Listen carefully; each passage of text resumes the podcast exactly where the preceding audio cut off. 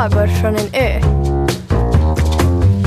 Älgen Emil, Rupo Kanin och fiskmåsen Tova.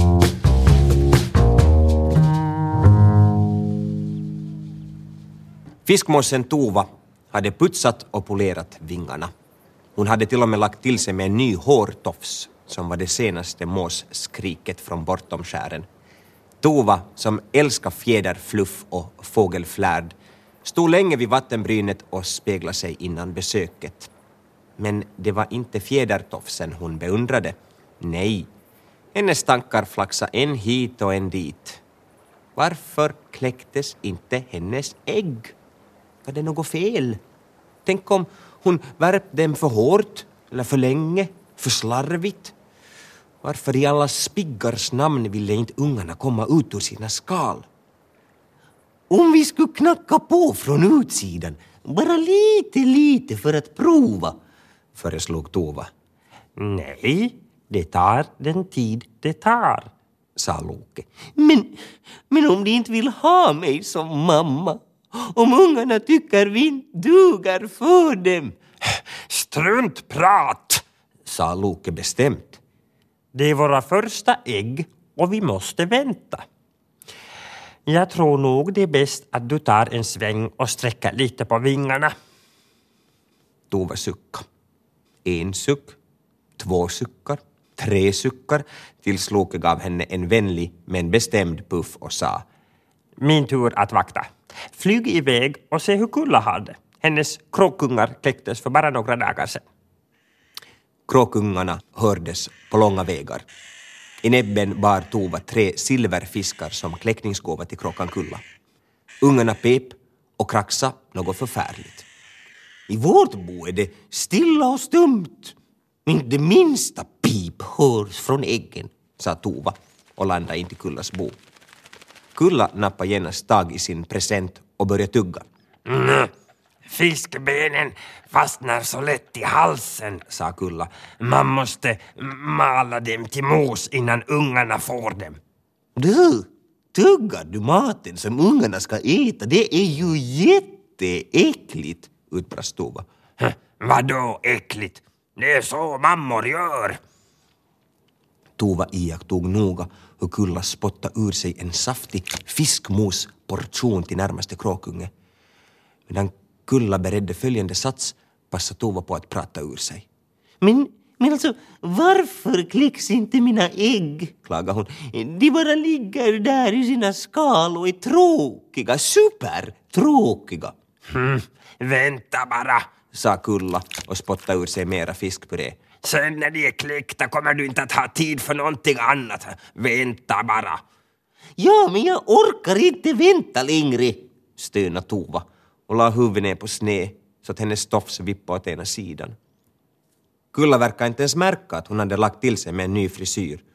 Kråkmanmans fjädrar såg rätt risiga ut. Kanske var det opassande för mammor att bära tofs?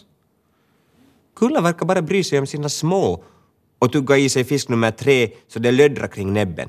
Mm, snart kläcks nog era ägg, sa Kulla och puttade samtidigt tillbaka en av sina fyra småttor, den vildaste av dem. En som jämt och ständigt försökte krångla sig ur boet. Filemon! Nej! sa Kulla. Hennes röst var helt annorlunda då hon pratade med Tova. Har du gett dem namn? sa Tova. Måste vi också hitta på namn åt ungarna? Tova kunde inte sitta stilla längre. Hon flög nervöst några varv runt boet och landade framför Filemon. Kråkungen tittade förvånat på Tova och fick för sig att smaka på tofsen.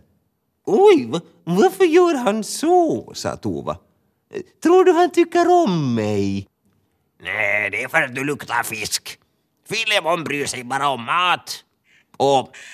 Kråkan Kulla svängde skärten till för att mata nummer tre som blivit utan fiskranson och pep alldeles förfärligt.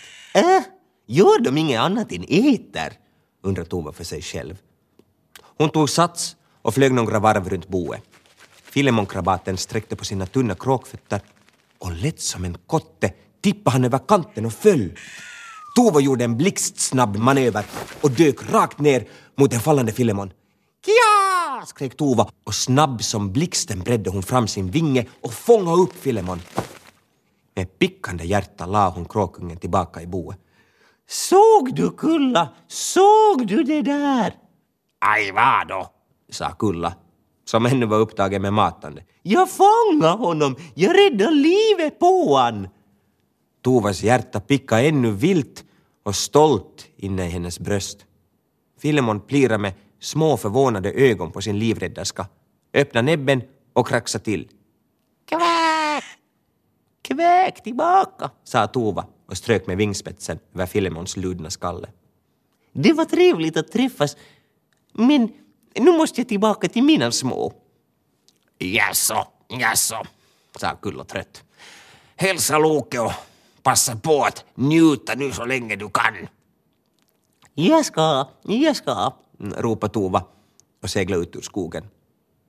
Hon tänkte på ungen som hon hade räddat, bara så där. Jag kommer nog att bli en bra mamma. tänkte Tova. Kanske den allra bästa. Åtminstone för våra ungar. Fast vi inte har några namn åt dem ännu. Tova pilade fram, ivrig och lätt. Måsklippan skymtade redan i öster. Men Loke ruvade inte på boet som han borde. Istället stod han bredvid. Alldeles stilla som en staty stod han och stirrade ner i boet med näbben knäppt. Tova landade inte i Loke. Han svängde hastigt på huvudet och nickade menande. Jag tror, Viskade han. nej, jag är helt säker på att det pep. I ägget. Loke nickade. Vilket av dem? De stod tysta och lyssnade. Då ett litet kirp hördes inifrån ett av väggen. Sen uppenbarade sig en tunn spricka i skalet, Nu, viskade Loke grattis på mors dag!